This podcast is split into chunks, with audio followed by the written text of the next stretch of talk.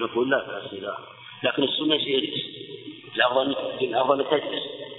وإذا صلى جالس صلوا جلوسا أجمعون كان الأولى أنه إذا صلى خلفه أن يجلس. وهذا هو الصحيح يعني أنه يكون السنة جالسا يصلي جالسا. وإن كان يجوز القيام كما استدل العلم بصلاة الصحابة رضي الله عنهم خلف النبي عليه الصلاة والسلام في آخر حياته لما صلى بهم بمرض موته. قالوا إن الظاهر أنهم كانوا في حال قيام لأنهم أحرموا مع أبي بكر قياما ثم جاء النبي عليه الصلاة والسلام وأتم بهم وصلى بهم. والظاهر أنهم استمروا حال القيام على قيامهم. آه، وهذا ما استدلوا به على أن الأمر قوله فصلوا جلوسا أجمعون أنه للاستحباب. ولهذا كان الصحيح أنه أفضل خلاف من قال إنه منسوخ. الصواب أنه ليس منسوخ وأنه إذا صلى الإمام جالس السنة أن تصلي جالسا نعم.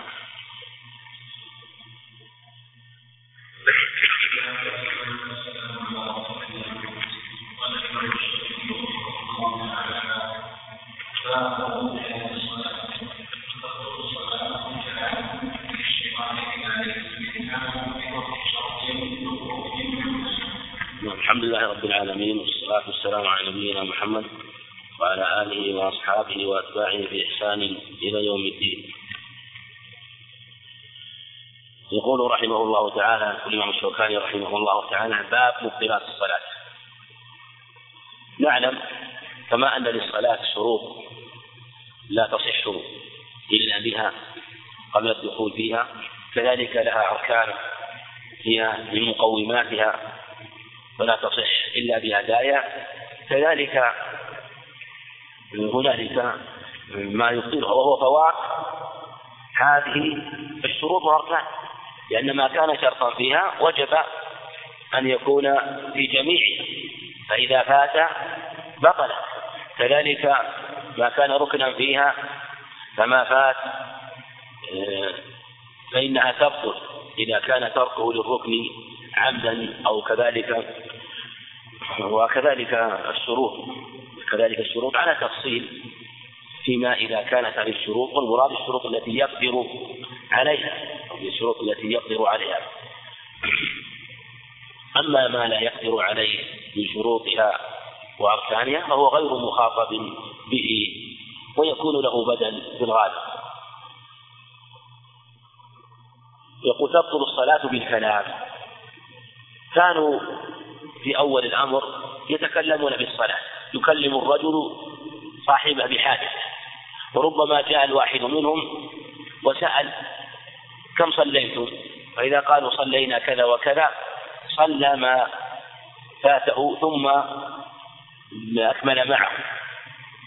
آه، ثم بعد ذلك كانوا يقضون بعد الفراغ كما صنع معاذ رضي الله قال لا أجده على حال إلا صنعت كما أصنع فقال عليه الصلاة والسلام كما يروى أمر من يصنع كما صنع معاذ بأنه إذا جاء الإمام فإنهم يصنعون كما يصنع ولو كان قد فاته ركعة وركعتان ثم إذا سلم الإمام قضى ما فاته.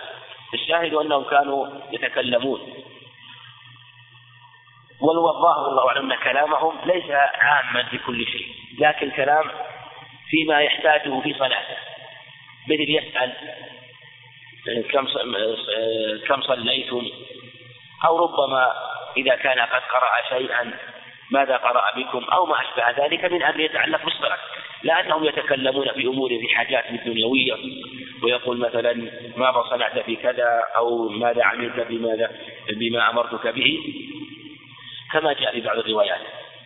وثبت في الصحيحين حديث زيد بن أرقم رضي الله عنه قال كنا نتكلم في الصلاة. يكلم أحدنا صاحبه بحاجته. حتى نزل قوله تعالى حافظوا على الصلوات والصلاة وقوموا لله قانتين. فأمرنا بالسكوت لفظ الآخر الصحيح ونهينا عن الكلام.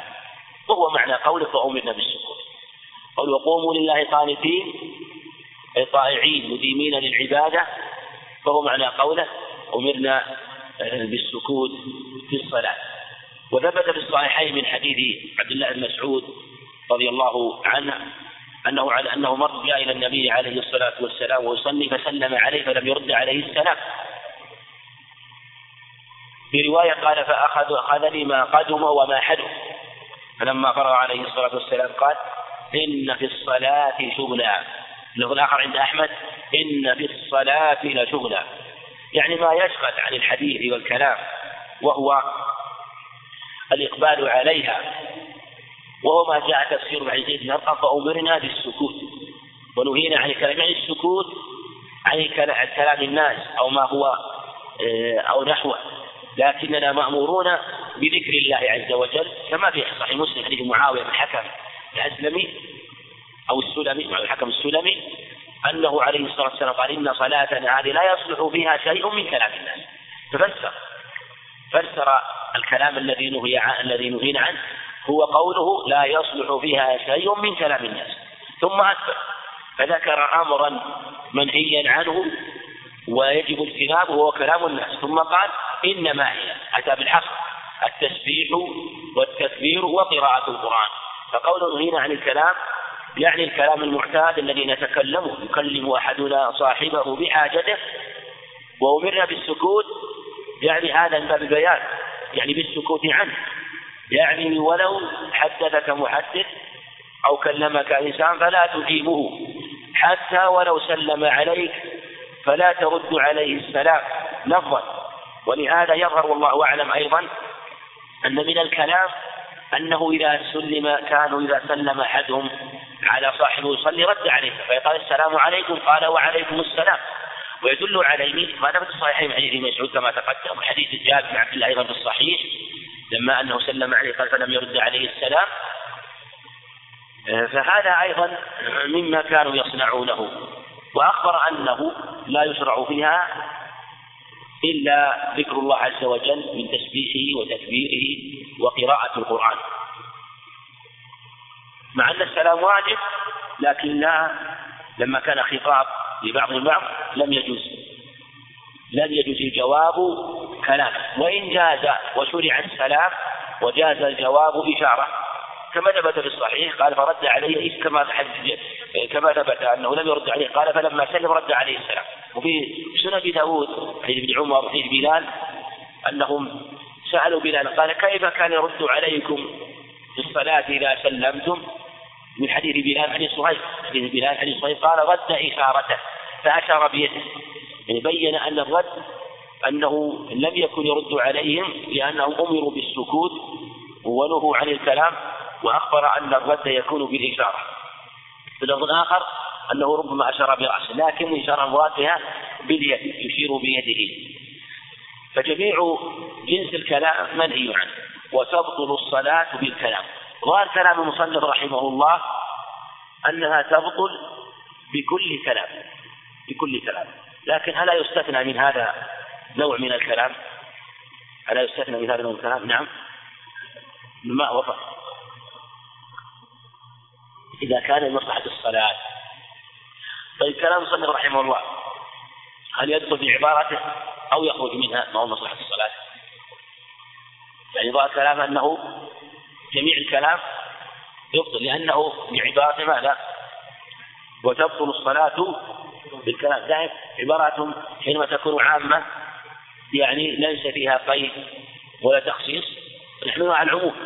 ظاهر كلام أن كل كلام في الصلاة يبطل الصلاة. هذا ظاهر الكلام. وهذه مسألة مما اختلف بها العلماء. هل يجوز الكلام هل يجوز كلام في الصلاة بمصلحتها؟ منهم من قال لا يجوز ويتبطل الصلاة بالكلام. وظاهر قول هذا ظاهر قول أكثر أهل العلم. وذهب آخرون من أهل العلم أنه يجوز الكلام في الصلاة لمصلحتها.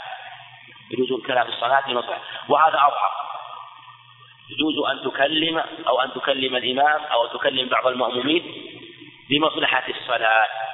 ويدل عليه ما ثبت في الصحيحين. من حديث أبي هريرة في قصة ذي اليدين. إنه عليه الصلاة والسلام لما قال له ذو اليدين انسيت أن قصرت الصلاة؟ قال لم انسى ولم تقصر. قال عليه قال رضي الله عنه بلى قد نسيت. بلفظ قال كل ذلك لم يكن. فكلم وقال أصدق ذو اليدين؟ قالوا نعم يا رسول الله.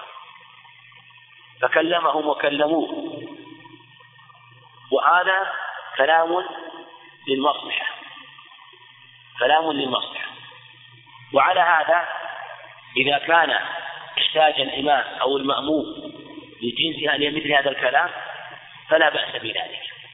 ولا يخرج الصلاة والنبي عليه الصلاة والسلام كمل صلاته ولم يعدها ولم يقل لا تتكلموا. أما رواية فأومأوا لا تكتب وإن ثبتت فأحمل على أنه أومأ بعضهم. ثم النبي عليه الصلاة والسلام سألهم وصدق اليدين قالوا نعم. فأجابوه كلاما. ولهذا نقول إنه لا بأس بالكلام لمصلحة الصلاة والنبي عليه الصلاة والسلام قال إن هذه الصلاة لا يصلح فيها شيء من كلام الناس. إنما هي التسبيح والتكبير وقراءة القرآن. الكلام الذي يكون من كلام الناس. أما ما كان كلاما لمصلحتها فهو لإصلاحها. وما كان سبيلا لإصلاحها فلا مفر منه. ثم لا بد من أن يقال. إما أن يتكلم فتبطل الصلاة أو لا يتكلم فيشير وقد يكون الإشارة نوع من العبث لو فعله في الصلاة لبطلت الصلاة يكثر من الإشارة وقد لا يحصل المقصود بالفعل. فالحركة بالفعل منهي عنها أيضا. الحركة بالفعل منهي عنها حتى لو قيل ويشير. فلهذا نقول إنه إذا كان كلاما لمصلحة الصلاة فالأظهر هو جوازه وفيه أدلة وأحاديث أبي هريرة آه، من أظهر الأدلة في المسألة. ولهذا لو أنه مثلا آه، يعني لو أنه استفسر الإمام حينما يشكل عليه يستفسر ما الذي حدث في الصلاة فلا بأس بذلك. مثلا أو شبحوا به فلم يفهم أو فلم يدري ما هو المقصود فلا بأس بذلك. فإن حصل التنبيه مثلا بالقرآن فلا بأس وإن لم يحصل المقصود فلا بأس أن ينبه بالصلاة. وهذا هو أوسط الأقوال في هذه المسألة كما تقدم. قول وتبطل الصلاة بالكلام إذا كان الكلام عمدا هذا بلا إشكال بغير مصلحتها. وإن كان عمدا لمصلحتها فالصحيح كما تقدم أنها تصح. وإن كان سهوا فالصحيح أيضا أنها تصح. لو تكلم بالصلاة سهوا أو نسيانا وثبت في صحيح مسلم معاوية بن الحكم السلمي أنه تكلم بالصلاة لما عطس. عطس وحمد الله وأشاروا إليه فضربوا بأفخاذهم ثم آه، لما أكثروا قال ويل أمنياه على ما تصمتون تسكتونني قال لكني سكت.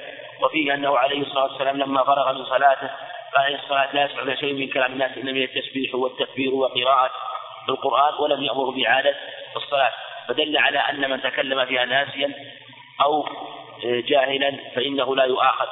ويقول عز وجل ربنا لا تؤاخذنا إن نسينا وأخطأنا قال الله قد فعل ويدل على أن النسيان في جنس العبادة لا يضر. قوله عليه الصلاة والسلام من نسي فأكل أو شرب فليتم صومه فإنما أطعمه الله هو سقاه وذلك أن الناسي والمخبط الناسي أو خاصة الناسي ليس الفعل منسوبا إليه.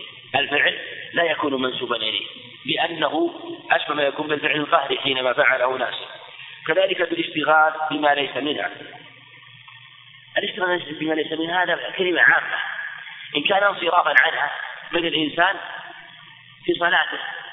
جعل يشتغل. جعل يشتغل مثلا يصلح شيئا أو يخيط ثوبا أو جلس يكتب ويصنف أو هذا في الحقيقة انصراف عن الصلاة. أو مثلا جعل يتقدم ويتأخر ويحمل هذا الشيء ويحمل هذا الشيء. هذا لأن حركات كثيرة وفاحشة. وهو بالحقيقة لم ينشغل بالصلاة والنبي عليه الصلاة والسلام قال إن في الصلاة لشغلا ومن عمل عمل ليس عليه أمر فهو رد فعمله مردود. ومن أعظم العمل هو الصلاة فيجب الإقبال عليها. أما إذا كان اشتغال يسير فهذا لا يؤثر. اشتغال يسير بحركة يسيرة فلا يؤثر. والنبي عليه الصلاة والسلام تقدم ومشى خطوات وفتح الباب. لعائشة كما روى الثلاثة أن وصفت الباب في القبلة فلما كان طرقت الباب عليه يصلي تقدم ومشى خطوات ثم فتح الباب ثم رجع إلى مكان عليه الصلاة والسلام. مع أنه ليس بالأمر اللازم وتقدم وعمل مثل هذا. أما إذا كان الفعل لحاجة فلا بأس. مثل أن يؤذيه شيء فيحك شيء مثلا أو يرى مثلا هامة أو شيئا يخشى من ضرر عقرب أو داب فلو تحرك فلا بأس. وقال عليه الصلاة والسلام في مرة الخمسة بإسناد جيد في هريرة اقتلوا الأسودين في الصلاة الحية والعقرب ولهذا ننزل المحتاج الصلاة إذا خشي الضرر منزلة صلاة الخوف المصلي صلاة الخوف.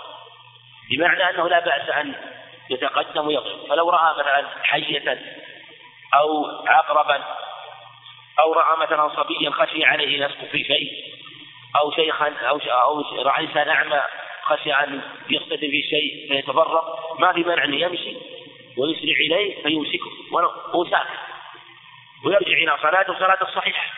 لا بأس بذلك لأنه دفع أذى واجب على أخيك المسلم. آه، فأنت في جهاد تنزل الجو وقال عمر رضي الله إني لأجهز جيشي وأنا في الصلاة. والمجاهد في الصلاة ربما يتقدم ويتأخر ويمشي ويتقدم صف ويتأخر صف فلا بأس. ثم قوله عليه الصلاة والسلام يقتل الأسودين في الصلاة الحي والعقرب ومعلوم أن قتل الحي والعقرب يحتاج إلى أن يأخذ عصا أو يأخذ شيء يضرب به. فقد يحتاج من عمل وقد يحتاج من ضربات. أما قوله حين كفاك ضربة أقطعتها أم قتلتها فهو لا طبعا لا بأس أن يضربها ولو عدة ضربات حتى يقتلها. لا يحصل المقصود إلا بقتلها. لكن يكون حازما حتى لا يكثر الحركة فالاشتغال الذي يكون فيه دفع الأذى عن نفسه أو عن غيره فلا بأس به. أو في مصلحة الغير كما خاصة في النافلة كما تقدم أنه عليه الصلاة والسلام ربما تقدم ومشى خطوات وفتح الباب لعائشة. كذلك منه أيضا النحنحة أو الكلام النحنحة أو الإشارة باليد لا بأس. مثل ما تقدم بأنه كان يشير بيده بيده يسلم عليه الصلاة والسلام في الصلاة فلا بأس. بل هو سنة. وكذلك منه ما ثبت عن علي رضي الله عنه أنه قال كان لي من رسول الله رواية عبد الله بن جيش عن أبيه عن علي رضي الله عنه قال كان لي من رسول الله صلى الله عليه وسلم مدخلات. يعني له وقت خاص يأتي النبي فيه عليه الصلاة والسلام فيستأذن. فكنت إذا استأذنت عليه الصلاة تنحنح لي. يعني العلامة بينه وبين النبي النحنح. فإذا تنحنح دخل مع أنه لغير حاجة غير الصلاة مكروه. وإذا احتاج إليه فلا بأس. إما لتحسين صوته أو لدفع هذا أو للإذن فيكون إذنا.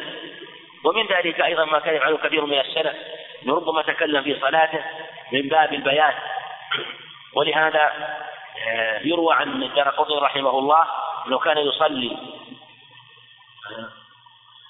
وكان قال يقرأ عنده آه، في كتاب ومر بحديث ولد عمرو بن شعيب عن أبيه عن جده فقرأ القارئ عمرو بن سعيد عن أبيه عن جده فتنحنح له الدار فلم ينتبه. يعني أنه خطأ ليس عمرو بن سعيد عمرو بن فلما نحن ثاني ما انتبه قال شعيب قالوا يا شعيب قال الدار قطني قالوا يا شعيب أصلاتك تأمرك. فرجع القارئ وعليه فهم أنه آه أنه شعيب. ومرة قرأ قارئ كان يقرأ في إسناد عندما آه، أحد الرواة اسمه نسير بن ذعلوب نسير بن نون. فقرأ القارئ عن نسير بن ذعلوب فنبه فلم ينتبه فقال قطني نون والقلم وما فتنبه أن أن أولها ماذا؟ نون. وهذا بيدنا تنبيه فرجع إليه وقال وقال نسير. لأنه يشتبه نسير ويسير وبسير لأنه زيادة آه، النقد ربما زاد وربما زاد. وكذلك أو يترك شرط أو أو أو بترك شرط أو ركن عمدا. بترك شرط. نعم. نعم. إذا حرك إيه؟ لحاجة يعني. إن لا بأس. إذا كان لحاجة. بس إذا كان لحاجة لا يمكن تلافيها. يعني الحاجة هذه مثل ما تقدم لو رأى مثلا شيء خشي أن يؤذيه واحتاج أن يتقدم ويقتل الشهادة أو رأى مثلا صبي خشي عليه مثلا أو إنسان خشي يصبح ما في مانع يتقدم ولو انحرف عن قبله نعم.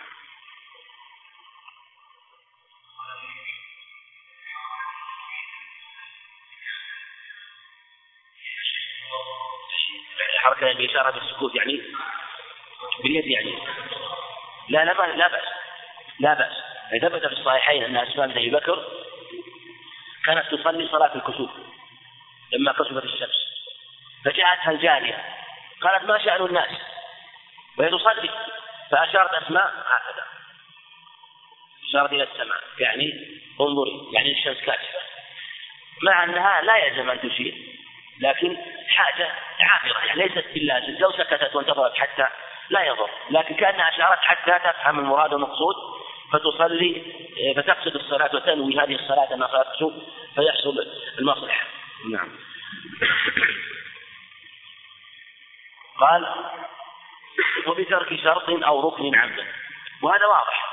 إذا ترك شرطا كما لو ترك الاستقبال عمدا يعني بلا حاجة أو ترك الوضوء بلا حاجة عمدا آه، فإنه الصلاة لا تصح.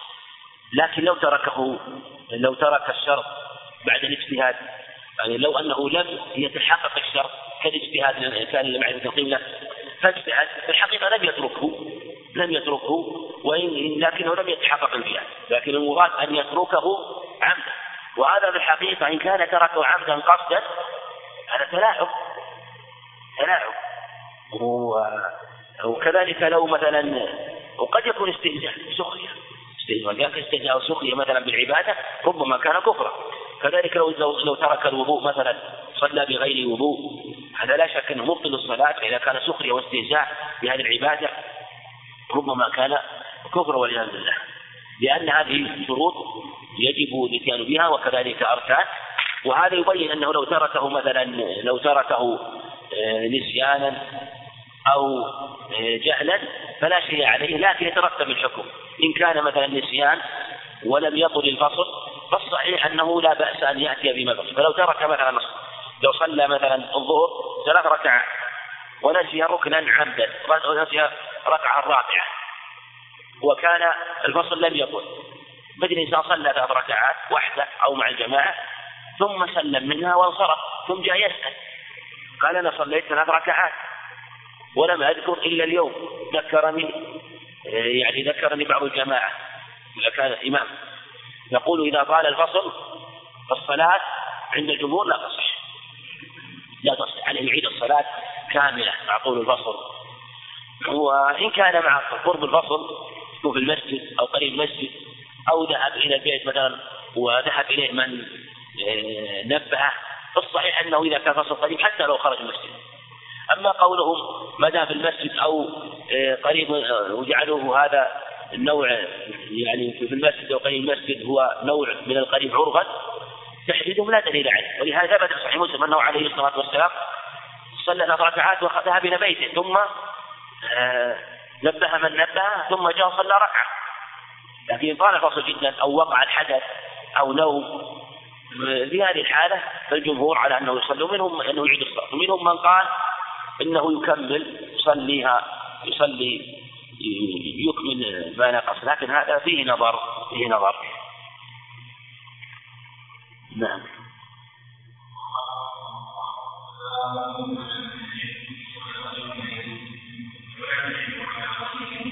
نعم.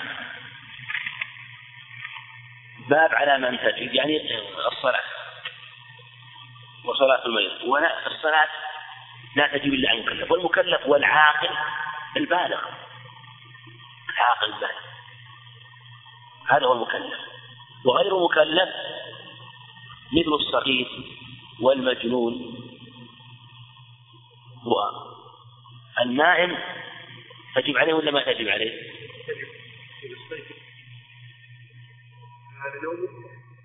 تجب عليه ولا لا؟ إيه. تجب عليه ولا ما تجب عليه؟ حال نومه؟ لا هو حال النوم هذا يعني إذا ما وجبت عليه النوم متى تجب عليه؟ نعم يعني ما خوطب بها حال النوم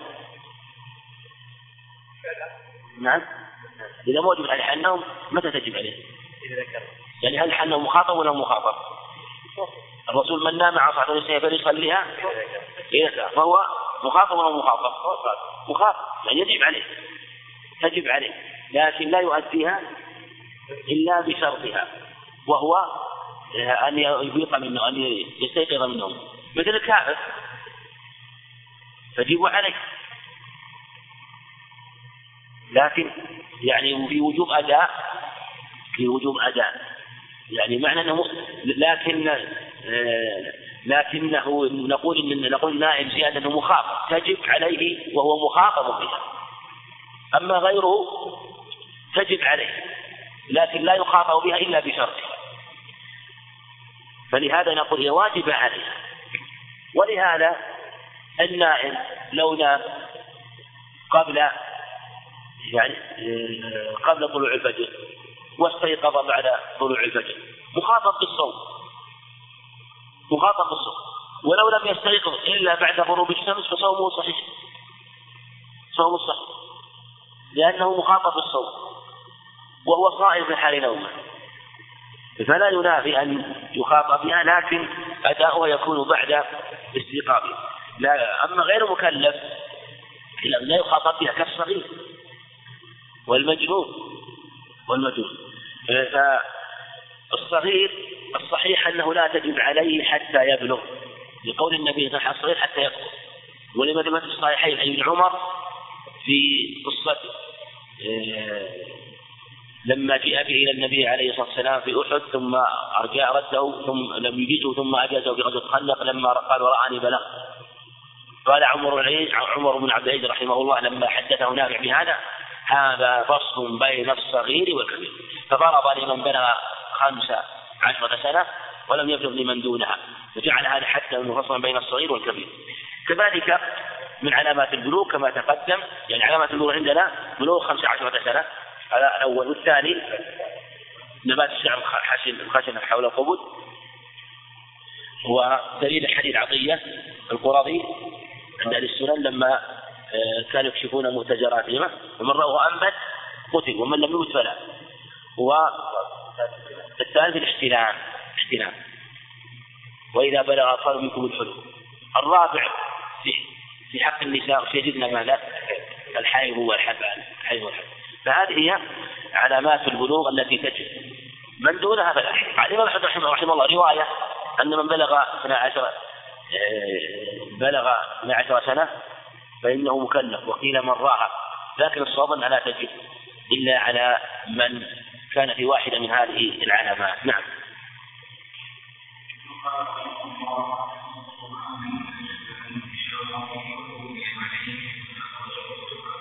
نعم وتسقط عمن عجز عن الإشارة.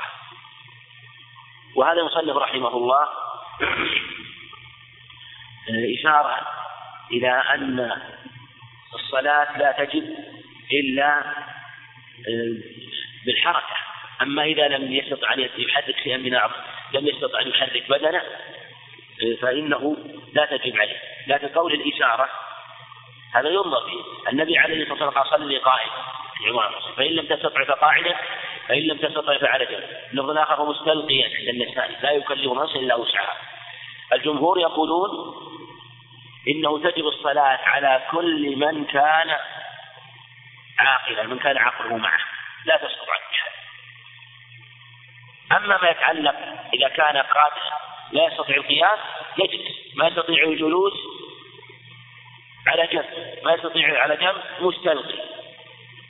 مستلقي ما استطاع يومئ برأسه هذه كما في حديث جابر رضي الله عنه عند البيهقي وغيره لما دخل رجل وهو يرفع عودا إلى رأسه نهوا عن ذلك وأخبر أن النبي عليه الصلاة والسلام يعني أنكر على من فعل هذا وقال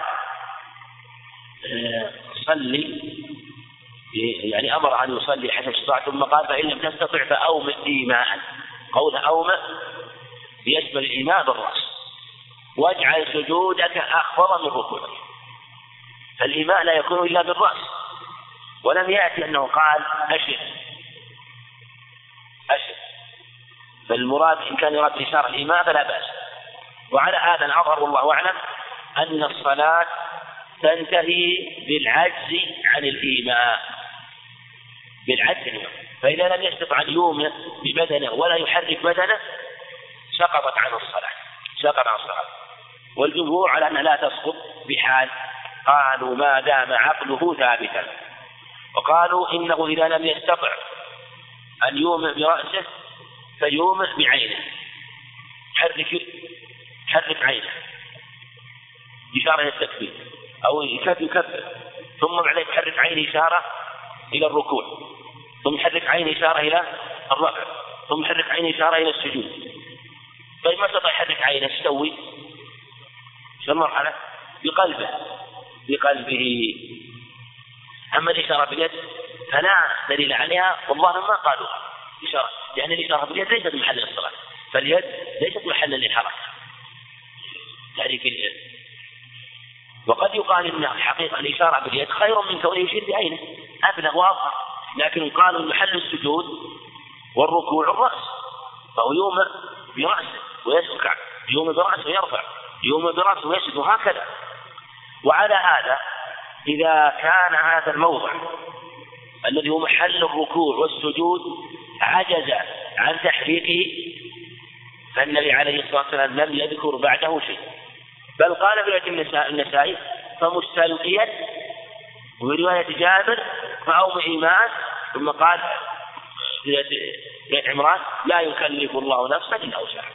وفي الحقيقة إشارة إلى أن من لم يستطع شيئا بعد هذا فليس مكلفا لأنه ليس بوسعه ولم يذكر بعد ذلك شيء وهذا محتمل أن يقال لا قضاء عليه. كما وضع كلام تقي الدين رحمه الله والأحناف قالوا إنه تسقط عنه في هذه الحال لكن قال بعضهم إنها تسقط عنه في هذه الحال ويقضي. وهذا فيه نظر في الحقيقة. لأنه إذا قال سقطت عنه ولم يستطيعها فهو غير مخاطب بها وغير مكلف بها. وعلى هذا من كان غير مكلف فليس من كان غير مكلف بعدم استطاعته فكيف نقول مخاطب؟ يلزم من قولنا أنه ليس مكلفا بها في هذه الحال أنه غير مخاطب، اذ القاعدة. أن الصلاة لا تسقط بحال على القادر.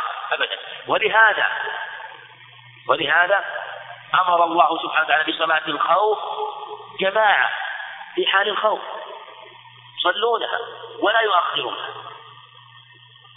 لكن هي ربما سقطت في حال شدة الخوف حينما لا يستحضرونها ولا يستطيعون أن يصلوا. من شدة الخوف. فهذه المسألة فيها خلاف بين الجمهور وأهل الشام كمكحول والأوزاعي. الجمهور يقولون لو أن المجاهدين حضرت صلاة الفجر وحضر العدو ولم يمكنهم أن يصلوا إلا حال المسايعة والركض والضرب والطعن يعني اختلط اختلطوا مع العدو مختلطين بالسلاح هل يمكن هذا يصلي؟ هم يقولون يصلون الجمهور يصلون وليس عندهم في هذا خلاف. يصلون. لأن صلاة صلاة الفجر ما ما لها صلاة تجمع إليها فلو أنهم لا لو أخروها لو أخروها بعد القتال وكان مع طلوع الشمس قالوا لا يؤخرون يجب أن يصلوا قبل طلوع الشمس. رجال وركبانا حال الضرب والطعن يصلون وفي الحقيقة كما قال ابن جماعة يرحمك الله. يقول من قال هذا فهو لم يجرب حال الطعن والقتال ولم يعرفه. لأن من قال هذا لا يمكن أن يفعله ولا يمكن أن يصلي هذه الحال أبدا. من جرب هذه الحال اشتغال القلب والشدة لا يمكن يصلي. الصلاة روحها ولبها واطمئنان الحضور. أي حضور لكن في هذه الحال لا يمكن. ولهذا قال مقحول الأوزاعي هو ظاهر ترجمة البخاري رحمه الله. قال باب الصلاة عند ملاحدة أهل الحصون أو نحو ذلك. ثم ذكر قصة أنس رضي الله عنه حديث آه، غزو تستر في عهد عمر. لما قال أنس كنا بعد موسى فحاصرناهم. يعني حاصروا تستر وكان العدو حاصروه وكانوا قرب قرب طلوع الفجر وكان بعضهم على الابواب وبعضهم على الاسواق قال فلم يمكننا أن نصلي حتى طلعت الشمس. قال أنس فما أحب ان لي بتلك الصلاة الدنيا وما فيها. الدنيا وما فيها الصحابة في عهد عمر رضي الله عنه وهم متوافرون. لم يصلوا تلك الصلاة إلا بعد طلوع الشمس. والبخاري رحمه الله مال إلى هذا القول وهو قول أهل الشام كما تقدم وهذا هو الصواب. أقول إن إن الجمهور يقولون يعني أن الصلاة تسقط بحال ما يمكن تسقط بحال لمن كان قال حتى لو مثل على على مثل هذه الحال. ليبين أن الصلاة في الوقت أهم ما يكون. فإذا كان غير مستطيع أصلا غير مستطيع أصلا في هذه الحال يقال إنه غير مخاطب لكن المجاهدين قلنا إنهم أخروها وصلوها لأنهم في الحقيقة تركوا الصلاة لأمر آخر وأنهم يستطيعون الصلاة. يستطيعون الصلاة لكن تركوها لأمر عارض وهو الجهاد. أما هذا فهو لمرض والمرض قد يطول وقد يقصر وهو آه، معذور في هذه الحال. ثم النبي عليه الصلاة والسلام قال إذا مرض العبد فكتب الله ما له ما كان يعمل صحيح مقيم. قال اكتبوا صالح عمل حديث عبد الله بن عمرو. اكتبوا صالح عمل إذ كان صحيحا حتى اكفده اليه لفظ حتى أطلقه أو اكفده اليه والأحاديث في هذا كثيرة جاءت في هذا المعنى. الأظهر والله أعلم كما تقدم أن من عجز عنها عن الإشارة فإنها القول بسقوط الصلاة في هذه الحال لا يشكال والقول بعدم قضائها هو ظاهر النصوص كما تقدم وظاهر كلام تقي الدين رحمه الله. كذلك أو أغمي عليه. أغمي عليه. وماذا تصلي في هذا ماذا هو الأظهر هو قول مالك الشافعي. أن من أغمي عليه فإنه تسقط عنه الصلاة. لأن شرط التكليف الخطاب. والمغني عليه ليس مخاطب ولا يشبه النائم لو قال قائل طيب إن المغمي عليه يشبه النائم والنائم مخاطب والنبي عليه الصلاة والسلام قال إذا من نام عن صلاة أو نسيها يعطينا أو غفل عنها فليصلي إذا ذكرها. لو قال قائل إن المغمي عليه يشبه النائم ولماذا لا تأمرون المغمي عليه يقضي كما يقضي النائم؟ إيش نقول؟ نعم النائم لو نبه نعم النائم لو نبه تنبه بخلاف المغني عليه لو نبه لا يتنبه ولهذا قال من العلم إنه بالمجنون أشبه.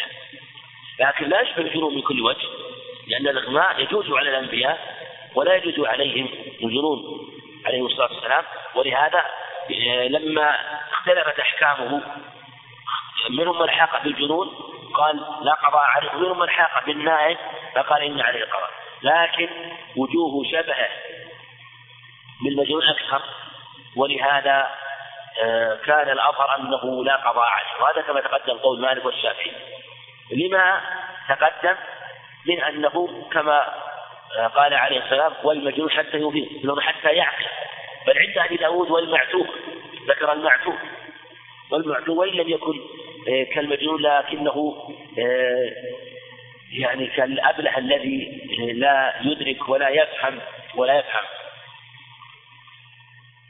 وثبت عن عن ابن عن ابن عمر رضي الله عنه بسند صحيح كما رواه عبد الرزاق وابن أبي شيبه وابن المنذر أنه رضي الله عنه أغمي عليه ثلاثة أيام فلم يقضي وأيضا صح عن أنس كما رواه ابن المنذر أنه من أنه رضي الله عنه أغمي عليه فلم يقضي وجاء عن عمار على عن وعن غيره من الصحابة أنه قضى. وعلى هذا المسألة خلافية بين الصحابة. ومع ذلك الثابت الذين قالوا لا يقضي الرواية عن مسلم أما المروي عن عمار وغيره ففيه ثبوت نظر وضعف فلهذا نقول عدم وجوب القضاء أظهر ويتأيد بأدلة. الأول أن أن المغني غير مخاطب كما تقدم. فشرط التكليف مفقود به. الأمر الثاني أنه متأيد بقول الصحابة بما صح عن ابن عمر وعن أنس رضي الله عنهم. الأمر الثالث أن كثيرا ممن قال يقضي اضطرب فمنهم من قال بشرط أن لا يكون الإغماء أكثر من يوم فإن كان يوم وليلة فأكثر فلا يقضي. ومنهم من قال أن يكون ثلاثة أيام. هذا اضطراب يدل على أنه ليس عندهم ضابط في مثل هذا. وكان القول الذي جعل الإغماء آه، مسقطا للتكليف بها هو الأظهر وعلى هذا يشترط ألا يفيق في جزء منها فلو أنه أغمي عليه قبل زوال الشمس إلى مغيب الشمس نقول تسقط عنه صلاة ماذا؟ الظهر والعصر. فإن أفاق قبل مغيب الشمس فإن نعم فإن أدرك ركعة صلى العصر وهل يصلي الظهر؟ على الخلاف في هذا. هو أدرك ومن أدرك ركعة من العصر فقد أدرك العصر. لكن إذا يجب بالوقت فإنه لا قضاء عليه كما تقدم. ولذا قال أو يعني حتى خرج وقتها. وظهر كان مصنف أنه لو أدرك لحظة فإنه يلزمه. وهذا مثلا في أخيرا. لكن الشاذ في مسألة آه، هل يقضي أو لا يقضي كما تقدم. نعم.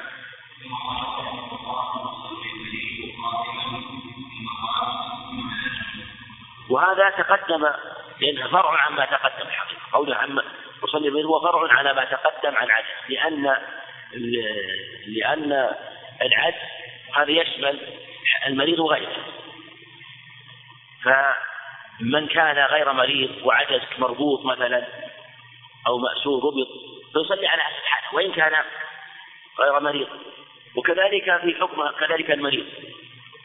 وهذا ورد في حديث عمران بن حصين صلي قائما. فإن لم تستطع فقاعدا فإن لم تستطع فعلى جنب. وهذا هو الترتيب في هذه وهذا هو التصور الترتيب. ثم قوله صل صلي قائما. فإن لم تستطع يعني فإن شق عليه تقدم معنا أيضا هذه المسألة. ليس المعنى فإن لم تستطع يعني فإن عجزت عجزا كليا لا. المراد إن شق عليك القيام فصلي جالس إن شق عليك الجلوس فصلي على جنب. فإن شق فيصلي مستلقيا وبالجملة ينظر الأيسر. ثم حال الجلوس. هل هو متربع؟ مثلا نعم نعم. أو مثلا مثل الجلوس بين السجدتين فيها خلاف. فيها خلاف. والأظهر والله أعلم أنه ينظر الأيسر إذا كان مريضا إن كان مريض وإن كان غير مريض كالذي يصلي النافلة فالأفضل يصلي متربعا. لما روى الناس عن عائشة أنه عليه الصلاة والسلام كان يصلي متربعا. يعني مثل متربع جمع أربعة الفخذين والساقين ضمهما. هذا فهذا في لأن المتنفل له يصلي ولو كان قادرا. وإن كان مريضا فإن كان أيسر التربع صلى متربعا. وإن كان أيسر أن يجلس على بطن قدم اليسرى وينصب اليمنى كذلك ينظر ما هي ثم هو ثم على جنب قالوا على جنبه الأيمن مستقبل القبلة. واضح ولا بد يستقبل القبلة لكنه على الجنب الأيمن وعلى الجنب الأيسر. الأمر والله أعلم أنه إن كان الأيسر أيسر فهو أفضل وإن كان الأيمن أيسر فهو الأفضل. وإن استويا فالجنب الأيمن أفضل لأن التيمم هو الأفضل في حال الصلاة وأيمن الصف والتيامن أفضل. وبالجملة يراعي في العبادة أن يؤديها على الوجه الذي يحصل معه تمام العبادة. لا أن يراعي صورة يفوت بها معنى فلو أنه راعى صورة الجنب الأيمن مع أنه ربما شق عليه فوت الخشوع نقول لا. هذا وإن كان في الصورة أفضل وأن على الجنب الأيمن وهو أيضا هو الأفضل في وضع الميت على جنب الأيمن لكن نقول إن مراعاة المعنى وهو الحضور في الصلاة أفضل من كونك تراعي صورة الجلوس على جنب الصلاة على الجنب الأيمن مع توقيت الخشوع. ولهذا النبي عليه الصلاة والسلام لما جحش شقه صلى جالسا. مع أن الظاهر كما قال جمع من الظاهر أنه كان يستطيع أن يصلي قائما لكن مع مشقة. وفي الغالب أنه حينما يصلي قائم ويشق عليه قد لا يحصل لا يحصل مثلا لا يحصل الصلاة بتمامها بقيامها بقراءتها بل يحصلها حال الركوع حال السجود. فراعى عليه الصلاة والسلام حال الحضور في الصلاة مع الجلوس الذي لا يشق عليه مع تخفيف القيام الذي يحصل معه مشقة. فهكذا المصلي ينظر ما هو الأيسر في هل هو على جنب الجنب الأيمن أو الأيسر؟ أو قاعدا أو مستلقيا. نعم والله أعلم. نعم. يقرأ عن هذا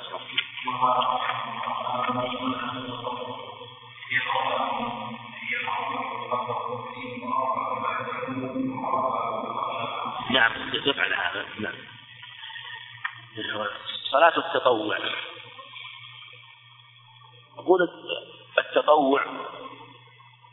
بالأعمال هو من أفضل ما يتقرب به العبد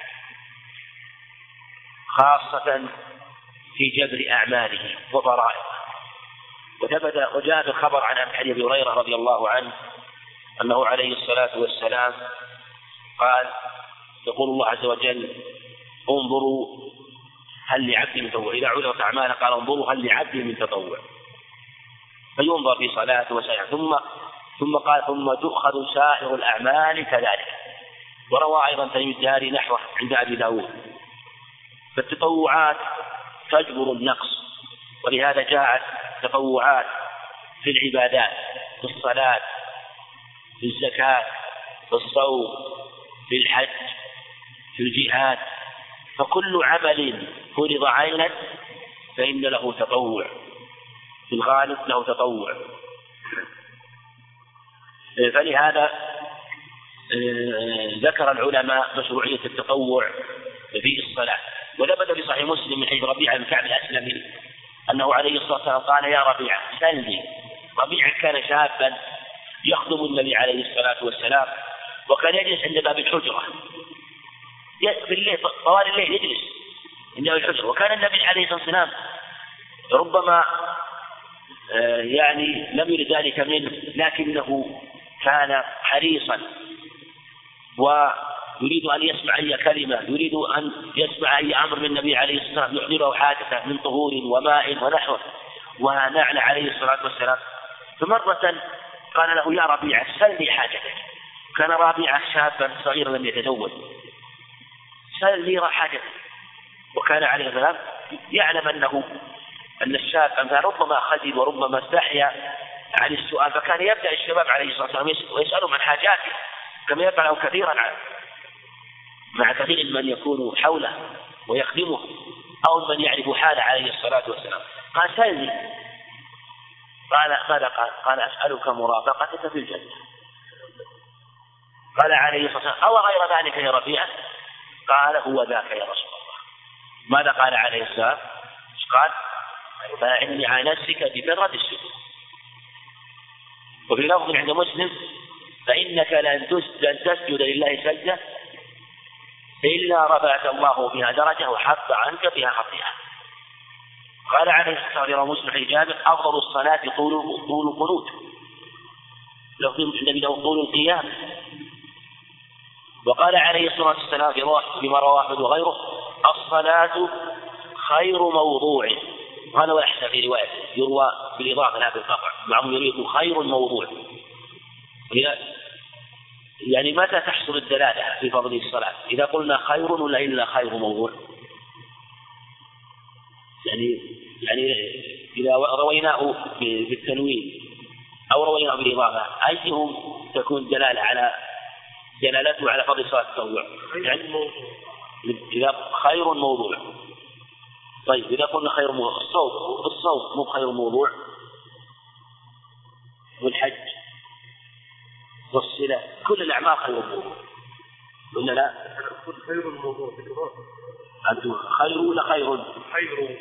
خير موضوع. نعم إيش تقول؟ نقول خير موضوع ولا خير موضوع؟ الصلاة ندرب بالتسكين الصلاة خير بعدها موضوع. فمن شاء استقل ومن شاء استكثر. نقول الصلاة خير موضوع أو خير موضوع أي الأحسن؟ ها؟ خير موضوع طيب إذا قلنا خير هل تتميز عن غيرها ولا ما تتميز؟ تميز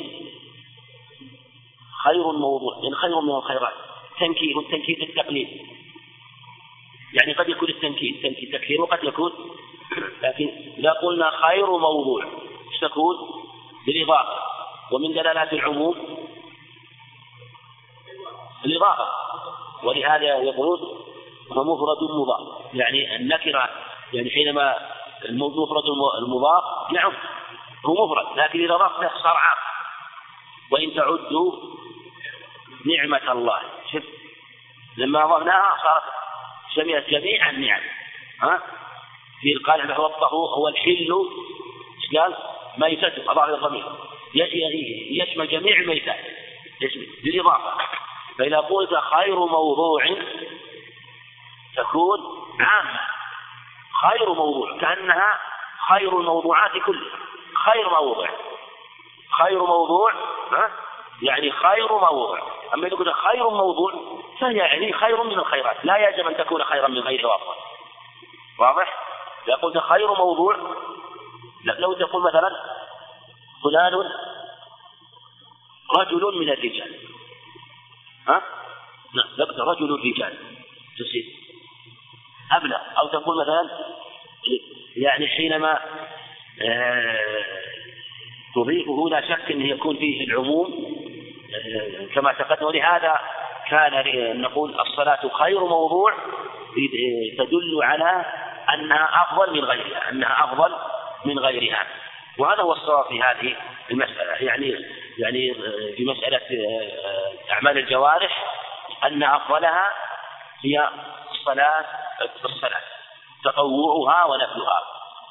وأهل العلم يذكرون في هذا آه، مثل ما يذكرون في هذا آه، أفضل الأعمال أفضل الأعمال. والمصنف رحمه قال باب صلاة التطوع ليبين أنها من أفضل التطوعات. أنها من أفضل التطوعات وعلى هذا ينظر بالأعمال بالأعمال. فالأعمال إما أن تكون قلبية أو أعمال جوارح. وأفضل الأعمال القلبية الإيمان. أفضل الأعمال القلبية ولا يقوله شيء أي صحيحين أي العمل أفضل ابن مسعود؟ قال إيمان بالله ورسوله. أو من حديث هريرة. إيمان بالله ورسوله. أفضل الأعمال. إيمان بالله. وهو أفضل الأعمال القلبية وإن كان من أعمال الجوارح فإنه الصلاة. الصلاة. والأعمال من حيث التقسيم إما أن تكون متعدية أو قاصرة. متعدية أو قاصرة. والمتعدي أقسام يعني متعدي أقسام مثلا إذا كانت متعدية إذا كانت يعني متعدية وقاصرة والقاصرة كما تقدم أفضلها في أعمال الجوارح الصلاة ثم تتلوها بعدها الأعمال. والمتعدية إما أن تكون لأمر يتعلق بالدين أو لأمر يتعلق بالدنيا. وإن كانت تتعلق بالدين فإما أن تكون من باب الأسباب والوسائل أو من باب المقاصد. فإن كانت من باب المقاصد فهي أفضل. وعلى هذا التقسيم الأعمال المتعدية أنواع. منها ما يتعلق بالدنيا ومنها ما يتعلق بالدين. مثلا ما يتعلق بالدنيا الإصلاح بين الناس والأمر الإصلاح بين الناس وما أشبه ذلك من أعمال البر والخير. ومن أعمال من أعمال الدنيا من باب الوسائل مثل الجهاد في سبيل الله. ومن باب المقاصد تعليم العلم. ولا شك أن ما كان من باب المقاصد أفضل مما كان من باب الوسائل لأن الجهاد في سبيل الله وإن كان من أعمال من أعمال من أعمال الدين لكنه ليس مقصودا بنفسه إنما مقصود بغيره. ولهذا لو أسلم الكفار بلا جهاد ما احتاجنا إلى الجهاد كتب على الفتنة وهو ضر لكم. أما العلم ونشر العلم فهو مقصود لذلك وإذا أسلم الكافر أول ما يؤمر به التعلم هو التعلم. فلهذا كان العلم هو من أجل الأعمال وأفضلها. أجل الأعمال وهي وجاء به من النصوص. الشيء الكثير عن النبي عليه الصلاة والسلام.